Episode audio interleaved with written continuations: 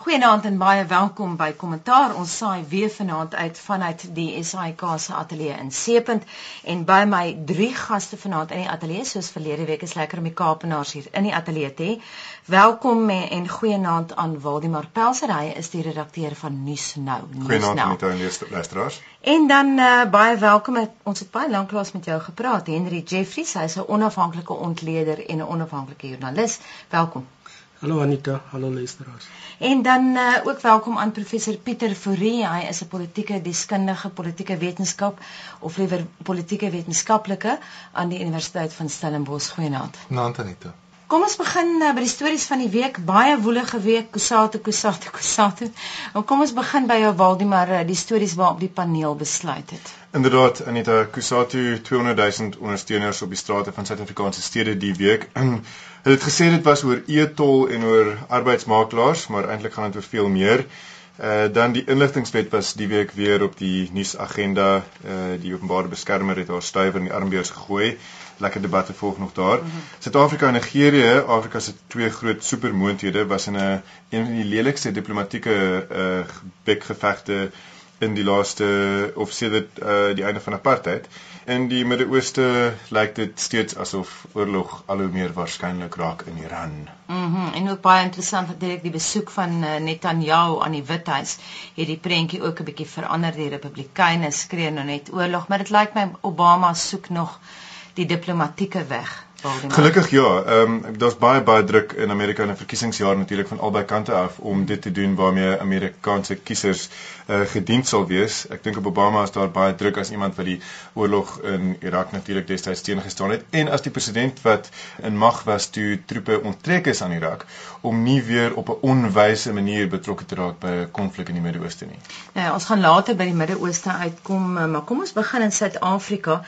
Jy het nou verwys na Kusato, die burger se hoofopskrif, uh, voorblad opskrif uh, donderdag was 20000, toe maar 8500. Was dit suksesvol? Ek dink dit was suksesvol. Ek dink dit het sterk herinner aan die dae van die UDF uh, eh, nog voor die koms van demokrasie en later met die koms van demokrasie toe mense na die strate toe gevat het. So dis baie duidelik 'n groot uh, ondersteuning vir die goed wat Kosato besluit het om na die strate toe te vat en ek dink die, die regering sal moet kennis neem daarvan. Maar vir my die interessante ding is dat dit het dan dit op die oog af gaan dit oor soos Waldemar net nog gesê het oor oor die die die tolstelsel in Gauteng en oor die arbeidsmakelaars. Maar dit is baie duidelik dat dit terselfdertyd oor baie meer gaan. Mm. Ons lewe in 'n baie baie interessante politieke jaar. Alles baie soos mense sê lê na Mangaung En ek dink hierdie optogte en die uitsprake daar het baie daarmee te doen. En die die die posisie wat Wawi en die vakbonde vat is vir my baie interessant. Ek het hier op my notas geskryf wat maak Wawi daar. Mm -hmm. Nou wat ek daarmee bedoel is dat ek dink die vakbonde het hier hulle spiere gebou. Uh alles met die oog op Mangaung.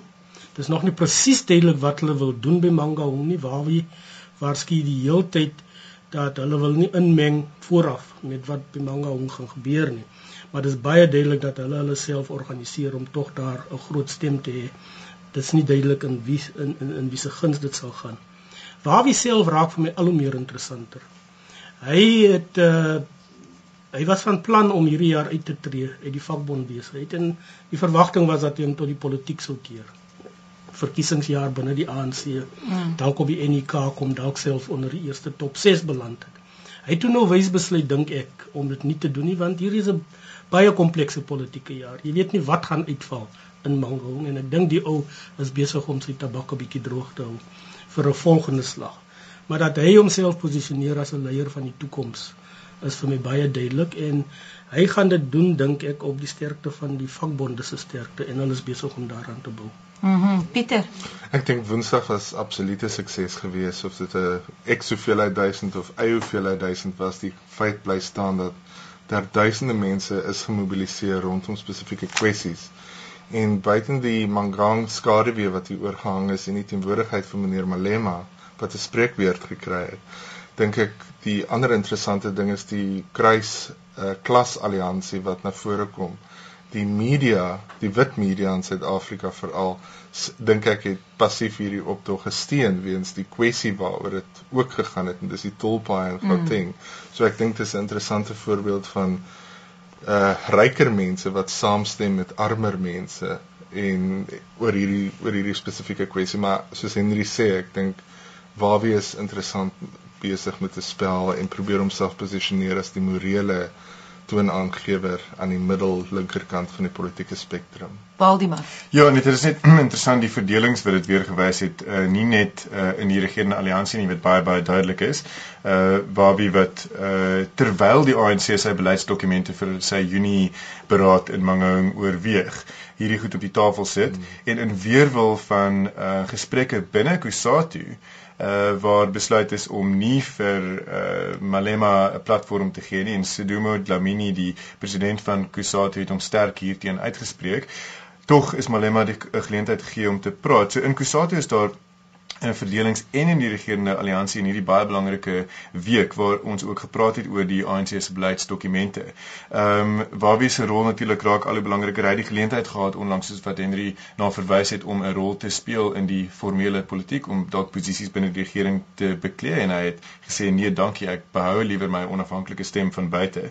Ehm uh, maar dis baie baie duidelik dat hy homself posisioneer teenoor teenoor Zuma of in die ander kamp in elk geval. Ehm um, anders as sy president uh, se doen met Lamini wat beskou word as ondersteuner van die um, president van die ANC. Ek wil net vinnig terugkom na die e-tollek kwessie toe wat baie groot, baie groot kwessie in Johannesburg is. Ek wil net uh, vir julle vinnig vra as Kaapenaars, wat gaan hier by julle gebeur? Want ek sien nou dat Frida Oosthuizen, Kusatu se nasionale tesourier, het gesê uh, dat die situasie met e-tollekke is beter in Kaapstad en Wes-Kaap, maar dit is op pad uh sy word aangehaal en gesê ons kamerade langs die N2 julle gaan betaal julle sal nie kan beweeg nie. Gaan dit hier dalk moontlik nog ook so 'n groot probleem word soos daar by ons? Nou toe ek laat daarna gekyk het was dit duidelik dat die situasie op die oomblik op ys is. Die DEA is baie sterk gekant teen teen hierdie uh, die instelling van tolhekke hier soos wat dit op op San Sanral se se mm. planne is. So ons moet nou wag en kyk wat die volgende stap gaan wees. Die regering jy weet skop natuurlik sy hakke in in die sin dat hulle baie duidelik gemaak selfs na hierdie magsvertoon deur Kossatu en ander dat hulle voortgaan met die met die planne vir Gauteng minstens mm. en ons moet kyk wat dit gaan beteken. So die regering suksesvol in Gauteng wees, dan dink ek is dit 'n uitgemaakte saak dat die die die nasionale program dan uitgerol gaan word insluitend hier in die Weskaap. En dit is selfs al word etol slegs in Gauteng ingestel en die regering het die week gesê dit is beslis nog die plan. Uh in April uh sal uh, voertuie getol word, maar minibus taksies natuurlik is hierdie week vrygeskep daarvan. Mm, ja. 'n Belangrike toegewing waarna waar wie natuurlik glad nie verwys het nie, maar in elk geval. Selfs al gebeur dit net in Gauteng, raak dit elke Suid-Afrikaner.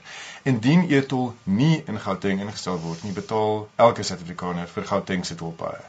Ehm um, die keuse is tussen 'n user pay stelsel waar uh, net die gebruikers van die pad betaal. So jy ry deur die tolpad, jou kar word geregistreer, jy betaal daarvoor. Of as jy nie daarvoor betaal nie, iemand moet. So as iemand moet en dis nie jy wat die pad gebruik nie, dan is dit almal van ons. En uh, dan is dit ook 'n uh, eh, 'n uh, inwoner van Seshego in Limpopo of uh jy weet Umhlanga in KwaZulu-Natal of Kaapstad wat betaal vir die Gautengse tolpaaie.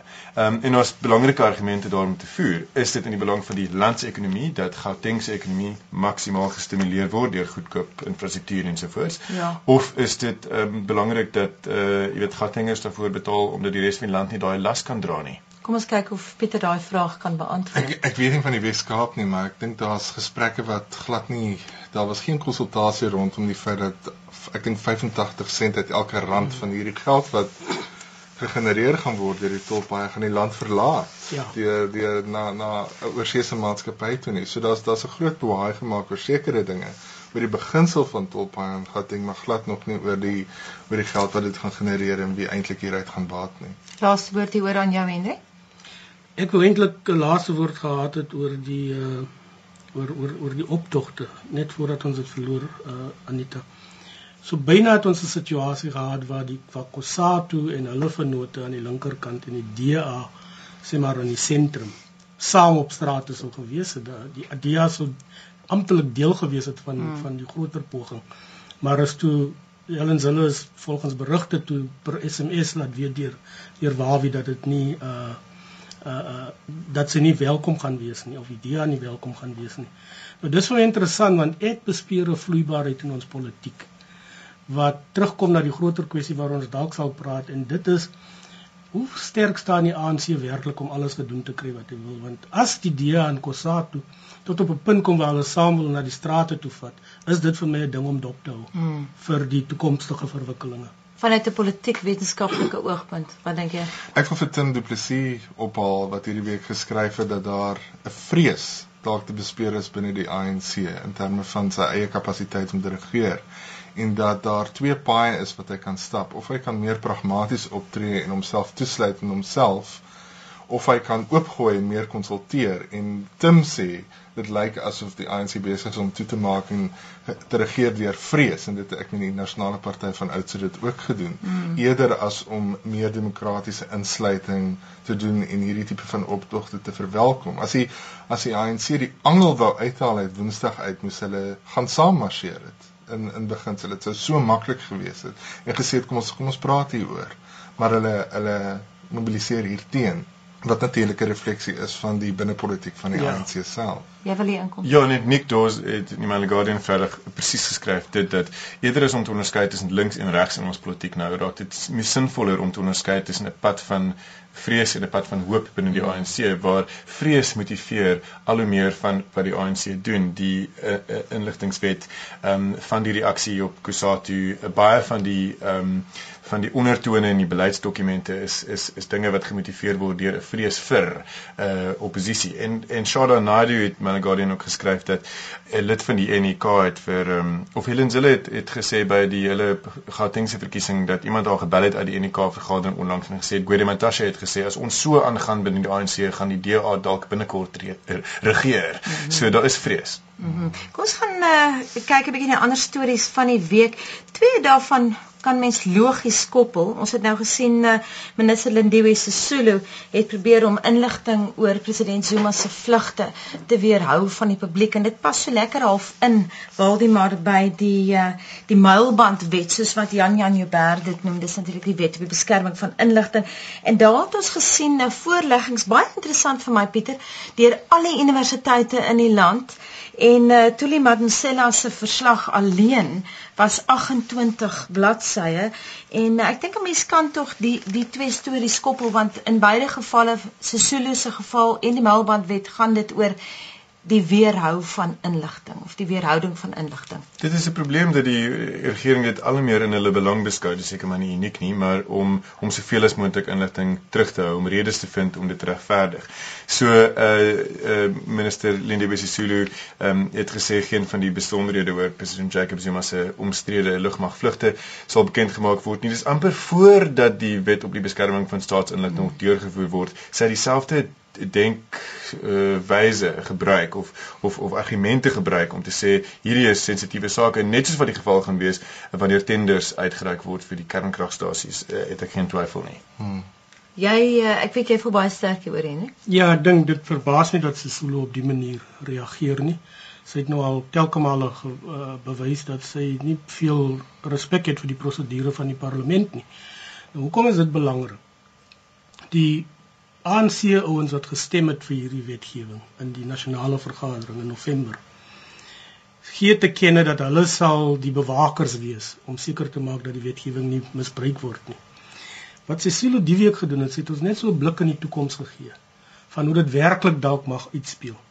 En dit is dat wanneer die regering adamant is om sekere inligting terug te hou wat ander mense sou beskou in die openbare belang, uh gaan hulle dit eenvoudig net stop wat die rol van die parlement baie belangrik maak.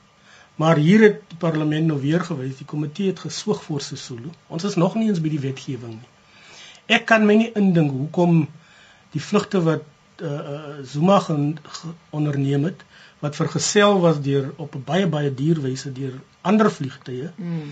Hoekom daai inligting in landsbelang of of of of in, in nasionale belang behoort te wees? Ek kan nie verstaan hoekom hulle reken dis nie in ons belang om te weet hoekom soveel geld bykomstig die reeds duur manier waarop ons top leiers uh, die wêreld vir hom vlieg. Hoekom dit van die van die van die publiek weer hou moet word nie. En wat doen Sesulu? Sy sê nee, julle gaan dit nie doen nie. Wat doen die parlement? behalwe die oppositie wat dit teengestaan het, hulle swig voor haar. En nou gaan daai voorlegging deur die hoof van die lugmag waarskynlik agter geslote deure mm. uh, gebeur en vir my is dit 'n aanduiding van hoekom hierdie inligtingwet so sterk teengestaan moet word want dit is 'n blik op die toekoms. En is en is 'n teken vir my van hoe alleen die ANC regering staan op hierdie punt. Daar's tot dusver geen lid van die burgerlike samelewing wat met guns blazing na vore gestorm het om hulle te verdedig nie nie net oppositiepartye nie maar al die universiteite in Suid-Afrika vir redes van akademiese vryheid byvoorbeeld alle navorsingsinstellings die onafhanklike regs uh afdelings uh bevraagteken die ANC regering se se motiverings op hierdie punt. En mense soos George Bezos. En mense soos George Bezos. En mense soos Tuli Madonsela wat die week gesê het uh in haar voorlegging dat selfs al sou die kantoor van die openbare beskermer inligting bekom wat uh geklassifiseer is om korrupsie toe te smeer sal sy dit eers aan die polisie moet oorhandig hangende 'n aansoek om dit te deklassifiseer. Dit is hmm. absoluut ongelooflik. En 28 bladsye lank, so sy wil duidelik sterk daaroor. Ja, ons kyk maar ek ek weet sy wil haar kar motor nou vervang uh, na die ongeluk met iets deftigs, miskien ry sy binnekort 'n Corsa of iets nou offense te mens. maar uh, ons sal maar sien hoe hoe die regering haar behandel die volgende paar jaar. Maar ek is baie bly Pieter het daai punt verder gevoer van al die universiteite want Amanda Gous het al die punte op hierdie program gemaak en nie net sy nie, verskeie ontleeders dat die inligtingwet, die wet op die beskerming van inligting die mylbandwet het nie net te doen met joernaliste nie. Dit het te doen dit bedreig die gewone man of die gewone san op straat. Ek dink is Max de Pre wat altyd die voorbeeld gebruik van die uh the the Sharks board in Natal. Jy weet jy sal geen inligting kry as die regering besluit hulle wil sekere inligting nie met jou deel nie. Maar baie interessant van die universiteite want jy sal nie hulle werk kan doen as navorsers nie. Nee. Nee, dit sal onmoontlik wees. Die die regering sal homself die mag toeëien om in die van van homself af alleen 'n monopolie te hê op die besluit van wat is in die staatsbelang. Daar sal nie gesprekke daaroor gevoer kan word nie. Dit dit doen geen gunste aan die demokrasie in terme van wat op die publieke agenda is nie. Net 'n partygebonde staat sal die besluit daaroor kan neem. Dit is 'n baie gevaarlike posisie om te in te wees. Dit vat ons terug na 1987 toe in Suid-Afrika. Hm. Waldemar, jy hou al baie lank die politiek dop. Sover ek weet is dit die die eerste keer dat meer as 400 burgerlike organisasies hande gevat het om die wet teen te staan. Anita, uh, die belangrike punt om te onthou as mens kyk na hierdie alliansie, ehm um, is dit it's a very broad church om om die Engels te gebruik. Ehm um, mm. dit sluit uh, van Kusatu of elemente binne Kusatu tot akademiese instellings tot die DA en so aan in in die media. Maar dit is nie net ehm um, mense met sterk spiere wat hier teen die wet veg nie. Universiteite en en groot media korporasies en so aan het baie diep sakke vir regskoste. Dis ook daar's mense wat in um, klein burgerlike organisasies, jy weet, uh in klein dorpies in Limpopo of in Mpumalanga of so wat geraak gaan word hierdeur wat nie die geld het om hof toe te gaan om die klassifisering van inligting te beveg nie. Mm. Dit is 'n baie groter probleem. 'n uh, Baie van ons wat uh jy weet bekommerd is oor die wetgewing, werk vir organisasies wat regskoste sal kan betaal. Ja. Daar is baie meer Suid-Afrikaners wie se stemme hier nie gehoor word nie, wat ook bekommerd is oor die wetgewing en wat nie sal kan hof toe gaan om te sê luister, maar julle moeg nie hierdie inligting geklassifiseer het nie. Dit was 'n fout. Dit is 'n veel groter probleem. Henry en weer eens vat Kusato en die DA is van die partye wat weer eens hier hande vat. Hande vat, ja. Maar ek dink ons moet maar nou aanvaar dat hierdie hele proses gaan in die konstitusionele hof opeindig. Hmm. Uh die wetgewing dien nou voor die die nasionale raad op provinsies. Hulle hou openbare verhore en toevallig kry hulle nogal heelwat teenstand in daai in daai verhore. Daar's twee goed wat daar uitkom. Daar's gewone burgers van Suid-Afrika en ek praat nou van die deursnee Suid-Afrikaanse burger hmm. wat in daai vergaderings opstaan en sê maar ek weet nie waaroor gaan hierdie wetgewing. Wat is dit wat julle in my naam wil pleeg? En uh, bekommernisse oor hoe hierdie wetgewing hulle eie regte sal sal op inbraak maak uh en en en die, die tweede punt wat ek hier wil maak is dat jy kry net die indruk dat hulle gaan maar net deur die wat die Engelse term is motions. Die wetgewing sal terugbeland, daar sal dalk hier en daar bietjie getorring word aan dit en dan gaan dit in terug nasionale vergadering toe hulle gaan hulle stempel daarop sit en dan is ons in die konstitusionele hof. Nou dit gaan die geveg van die demokrasie wees. Wat gaan die konstitusionele hof oor hierdie wetgewing doen waaroor die regerende party so sterk voel? Nou gaan mense onmiddellik seker sê ja, dis waarom Zuma vir regter Mogeng uh, hoofregter gemaak het, maar ek dink dit is sommer net so van die hoofregter en sy rol in daai in daai saak nie, want moenie vergeet nie, hierdie saak sou hy daar beland moet deur al 11 regters aangehoor word. En daar dink ek gaan die rol van die grondwet hof. Moenie dink hierdie dat hulle nou in die teken gekom het as deel van die groter prentjie sommer net uh, sonder enige goeie rede. Daai hof gaan al hoe meer die belangrikste instelling raak vir die stand van ons demokrasie. Ja, absoluut. Die ek meen die grondwet was verskriklik belangrik om sekere dinge rondom die beskikbaarheid making van vigsmedikasie byvoorbeeld in Suid-Afrika af te dwing. En tot dusver het die regering selfs al sleep hulle hulle voete die die bevindinge van die hof gestand gedoen en geëerbied. Maar toe neem die afgelope jaar of twee veral onder Zuma het ons 'n uh, uh, ongemaklikheid begin sien tussen die ANC en die die onafhanklikheid van die howe tot so 'n mate dat die aanstelling van die nuwe hoofregter bevraagteken is, die onafhanklikheid van daardie persoon en die mense binne die staat self begin die die die onafhanklikheid van die howe bevraagteken. Dit is asof die ANC letterlik nie verstaan hoekom dit binne 'n demokrasie belangrik is dat daar 'n skeiding van magte moet wees nie. Valdemar. Ja, net een, een van die punte wat natuurlik uh, verlede naweek nuus gemaak het in die Sondagkoerante was die ANC se begeerte in gelekte uh, beleidsdokumente om die grondwet te verander. Ehm um, nou uh, minder van dit te doen gehad met wenig met die onafhanklikheid van die grondwetlike hof. Dit gaan oor die uh, Reservebank uh, allerlei ander sake, maar die paragraaf wat spesifiek verwys het na die uh, magte van die grondwetlike hof of die verandering van die grondwet is dit natuurlik weggelaat toe minister Jeff Gadebe maandag 'n perskonferensie gehou het en gepraat het oor hierdie vroeë beleidsdokumente vir die ANC se beleidskonferensie in Junie. Nou die uh, status van hierdie dokumente, dit is opgestel in sekere gevalle deur navorsers en uh, mense wat onafhanklik staan van die ANC wat kyk na beleidskwessies wat hulle graag op die tafel wil sien in Junie waar die ANC sal moet stem en standpunt inneem en wat rigting gaan gee aan regeringsbeleid in die jare wat kom insluitend natuurlik na 2014 en wie ook al dan die president gaan wees. So, ons is nog steeds nie seker wat die ANC se planne met die grondwet is nie. Wat ons wel weet is dat wanneer die grondwetlike hof die die wet op die beskerming van staatsinligting oorweeg, sal 'n uh, 'n uh, 'n uh, ondersoek na die rol van die hof op die impak van die hof op transformasie en so aan reeds aan die gang wees. Dit is 'n ondersoek wat ons reeds weet kom, ongeag of die magte van die grondwet ehm um, uh, aangepak gaan word of nie. Ja, die ANC beplan hierdie sogenaamde evaluering van die besluite van die konstitusionele hof. Ek dink kyk vir my die ANC het die reg om te kyk na selfs die grondwet, het die reg om uh die die die die rigting waarin die land gaan te bekyk. As van die goed van sommige van ons ongemaklik stem, dan moet ons ook besef dat van die goed wat ons weer gemaklik stem, Trevor Manuel se prosesse. Mm. Almal is baie opgewonde. Dis geïnisieer deur die deur dieselfde ANC. Mm. So ek dink ons moet ons moet tog maar versigtig wees dat jy nie te uh uh nie jerkerig reageer op op op wanneer die ANC 'n uh, klomp goed maak. Die vraag is hoe gaan jy daarmee handel? En ek dink dis 'n groot groot rol te speel om net ander kan die gewone politieke ry oor die goed uit te kom. Die ANC self Gadebe verlede week maandag het 'n uitnodiging gerig. Gesê dat hierdie is nie net beperk tot wat uit die takke van die ANC. Moenie vergeet die goed kom van onder af. Hierdie voorstelle wat daar uitkom nie. Dit gaan nou na die beleidskonferensie toe in Junie en dan finale besluitneming in Desember in in in Bangau. So daar's 'n groot venster nog hier om te begin engage en ek dink daai vloeibaarheid waarvan ons vroeër gepraat het, gee vir ons 'n geleentheid om hierdie party regtig aan te vat.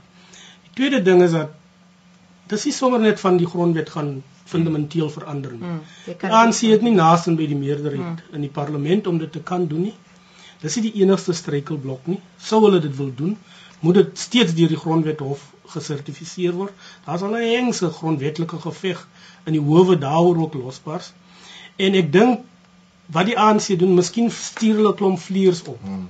En om te kyk wat val uit. Ja. En my punt is ons moet regtig die die die diskurs vat wat ek vroeër in 'n rubriek gesê het jy weet 'n uh, uh, soort van swartgalligheid oor alles wat uit die ANC het kom, maar dit lê ons lam. Mm. Is jy weet ons ons ons, ons is net daar by die swartgalligheid.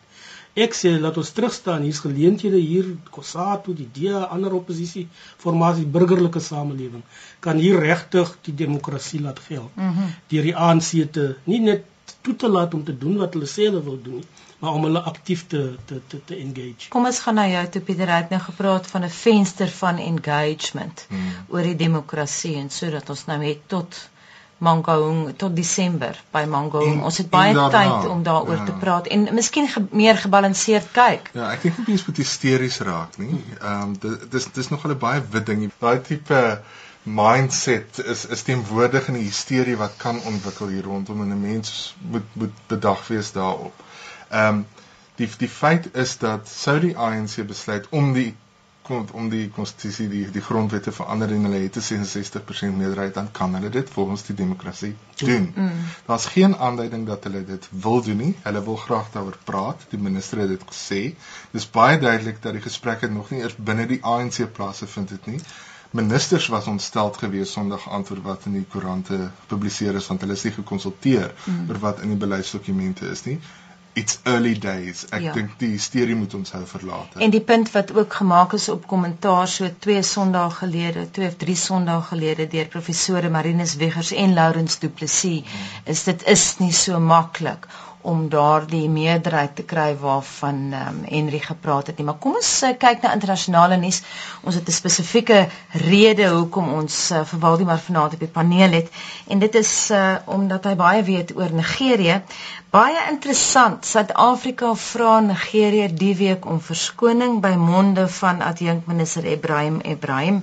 Baie interessante verskoning. Pieter het vir my voor ons op die lig gesê dit is vir hom 'n bietjie vreemd dat ons so genaamd om verskoning gevra het, maar jy ken Nigerië baie goed. Jy hou die verhoudingsdop tussen Nigerië en Suid-Afrika, Waldemar. En jy was lank in Lagos, né? Ja, Anita, daar was nog altyd baie agterdog ehm um, wederzijds tussen Suid-Afrikaners en Nigeriërs.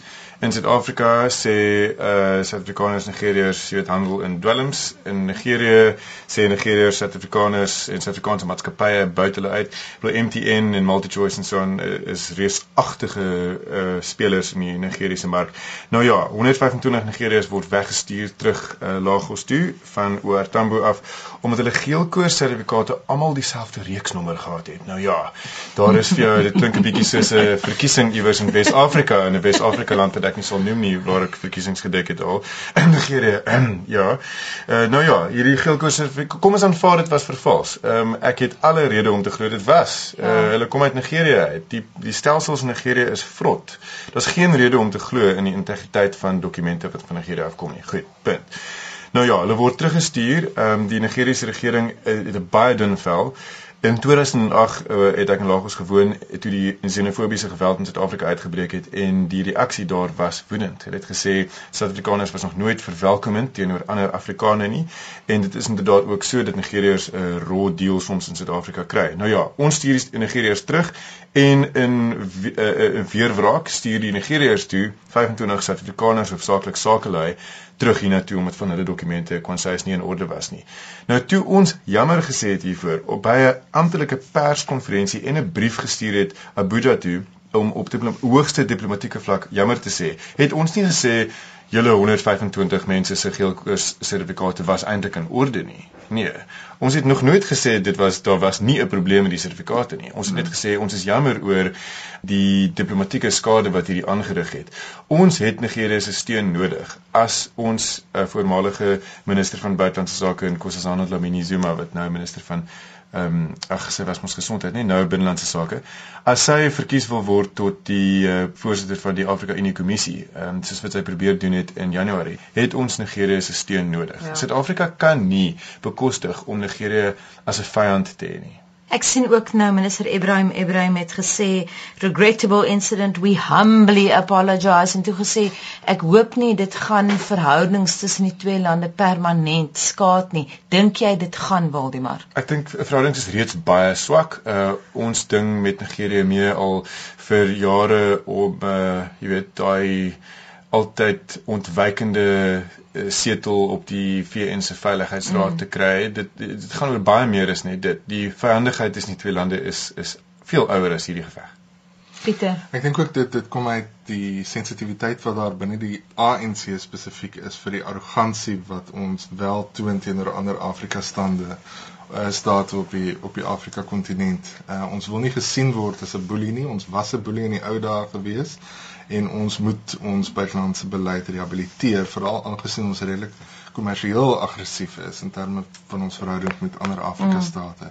Maar soos wat Waldemar sê, dit gaan glad nie hier oor 125 geelkleur sertifikate wat ons almal weet vals is nie. Mm. Dit gaan oor die stem wat ons nodig het en Nigerië beheer 'n groot blok in Wes-Afrika. Henry, ek dink Nigerië, hierdie is regtig vir hulle 'n kwessie van ego. En ek kan vir jou sê daai ego is baie groot in in die jare net voordat Nigerië onafhanklikheid gekry het, was ek betrokke by 'n Nigeriese Suid-Afrikaanse dialoog wat beide in Nigerië plaasgevind het en hier in Suid-Afrika self. En dit was verstommend hoe daai ouens gevrees het dat die oomblik Suid-Afrika sy voete vind in die wêreld, dat Suid-Afrika beskou gaan word deur ander as die nommer 1 Afrika land. Hulle hulle kan dit kon dit nie verwerk het nie en ek dink jy sien dit deurlopend in hierdie verhoudinge. Nou niemand kan ontken dat Nigerië as hulle reg bestuur word verdien om die voorste Afrika land te wees net gegee jy weet bevolking gegee die bronne wat hulle tot hulle olie en die soort van ding. Maar hulle slaag eenvoudig net nie heeltemal daarin om reg regeer te word nie. En dis hulle grootste grootste probleem. Ons weer aan die ander kant het hierdie skaamte omdat ons van nêrens gekom het. Ons het ons apartheid verlede en dit is nie vir ons lekker om op die voorgrond te staan al verdien ons om op die voorgrond te wees. Suid-Afrika is Nigerië voor op soveel fronte. Maak nie saak of jy van die wetenskap, die kultuur, die politiek, die wêreldposisie en so voort is ons voor. Maar ons regering, die regerende party veral, het hierdie ons ons kan nie te veel daarvan maak nie. So daar's nie 'n chauvinisme aan ons kant om ons posisie te handhaaf nie terwyl die Nigeriërs geen gebrek. Kyk, ek het 'n woordvoerder van van van van die departement van binnelandse sake oor die radio hoor sê. Jy weet, hulle was binne hulle reg om daai mense terug te stuur. Jy weet, ek het een keer in in in Kampala, ek het net my geel koers sertifikaat elders in my bagasie gehad. En daai ouens het my hel gegee. Hulle sou my nie toegelaat het as ek nie die die die die sertifikaat kon voorbring nie. So ek dink hierdie is 'n spel van egos en ek dink dit gaan ophou al het ons nou op ons knieë gegaan om vrede te maak of so. Ek dink ons gaan er nog voor en vir daai groot goed wat Waldemar genoem het. Veen posisie en so voort gaan hierdie hierdie verwantskap op hierdie ongemaklike manier voortgaan. Was dit 'n taktiese fout om op daardie manier om verskoning te vra. Humbly, dit is 'n baie vernederende om verskoning vra. Ek dink dis die enigste tipe verskoning wat die wat die Nigeriërs sou aanvaar het. Mm -hmm. Jy het nou so instemmend geknik toe uh, en die verskeie goed sê oor die Nigeriërs. Jy was lank daar. Hoe gaan hierdie ding om uiteindelik uitspeel? Ehm um, dit gaan oor ego. Nigeriërs voel en en soms met reg dat hulle stief behandel word deur Suid-Afrikaners. Suid-Afrikaners het 'n uh, redelike swak rekord wanneer dit kom by ehm um, jy weet die res van Afrika met beskeidenheid tegemoet gaan. Ja, ons is Nigerië en die res van die vasteland baie ver voor op baie vlakke. Maar uh, Suid-Afrikaners het die vermoë om hulle gewig rond te gooi in die res van die vasteland op op soms baie onsmaaklike maniere. En ek dink ons moet leer hoe om how to exercise soft power soos wat hulle sê. Jy weet hoe om ehm, 'n um, invloedryke speler te wees en om invloed te wen. Invloed en mag is nie dieselfde ding nie. Hmm. ek uh, net om aan te beweeg ek sien uh, woensdag in media 24 het Leopold Skols geskryf dat Israel blykbaar gereed is om eensydig teen Iran op te tree ons het ook gister op naweek aktuelle storie daaroor gedoen en uh, dit lyk asof die republikeine lus is vir oorlog maak maar dit lyk asof uh, president Obama nog steeds diplomatie verkies Pieter. Ja, strategies lyk dit asof April en Mei goeie maande is met die skoon lug in die Midde-Ooste vir 'n mm. Israeliese aanval.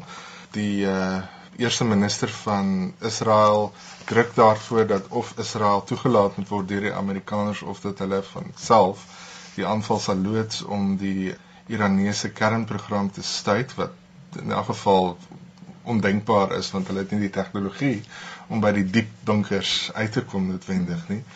Ehm um, en dit vind alles plaas binne die konteks van Amerikaanse politiek waar die Republikeinse party baie nou verbonde is in een geweef is met die met die uh, Joods-Israeli wat is lobby group drukgroepe uh, druk drukgroep in hmm. in Amerika. So strategies maak dit vir die Republikeine sin om baie hard te druk hiervoor. Hulle kan net wen in terme van hulle eie die mense wie vir hulle stem terwyl die Demokrate nie so na is aan die Israeliese drukgroepe nie en Obama onlangs 'n sukses gehad het in diplomatie met Noord-Korea hmm. in ruil vir voedselhulp van 250 000 ton ja. het die Noord-Koreane toegelaat dat gesprekke rondom min of meer dieselfde kwessie kernwapens uh voortgaan. So hy wil voortbou daarop om meer diplomaties wees. Hy het ons nou die Nobelprys vir vrede gewen, so hy wil hom nou seker verdien.